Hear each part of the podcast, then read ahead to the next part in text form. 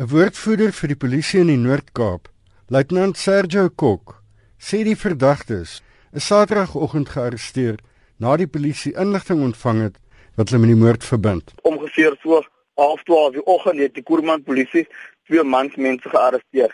Hulle was in Bankara, Kuruman gearresteer en hulle is 19 en 22 jaar oud. Kan jy vir my besonderhede gee van die arrestasie self? Hoe het dit gebeur? Die Kuruman polisie het opgevolg op inligting en hulle het die twee mans gearresteer in hulle wonings in Bankara en Kuruman. Kreer is so 10 dae gelede op sy plaas op die pad tussen Kuruman en Katu doodgeskiet. Die moord het plaasvind op die 28ste Mei, die donderdag aan. Daar was 'n skietery gewees op die plaas. Die man was deur sy bors geskiet deur 'n gesluite security check. Meneer Christo Kreer en sy vrou was alleen by hulle woning op die tyd van die voorval. Op hierdie oomblik blyk dit daar was niks gesteel op die plaas nie. Is daar enige verband tussen die verdagtes en die vermoorde? Ja, wie wat een van die verdagtes is 'n vorige werknemer. Die polisie sê die ondersoek na die moord duur voort. Ek is Hendrik Martin in Johannesburg.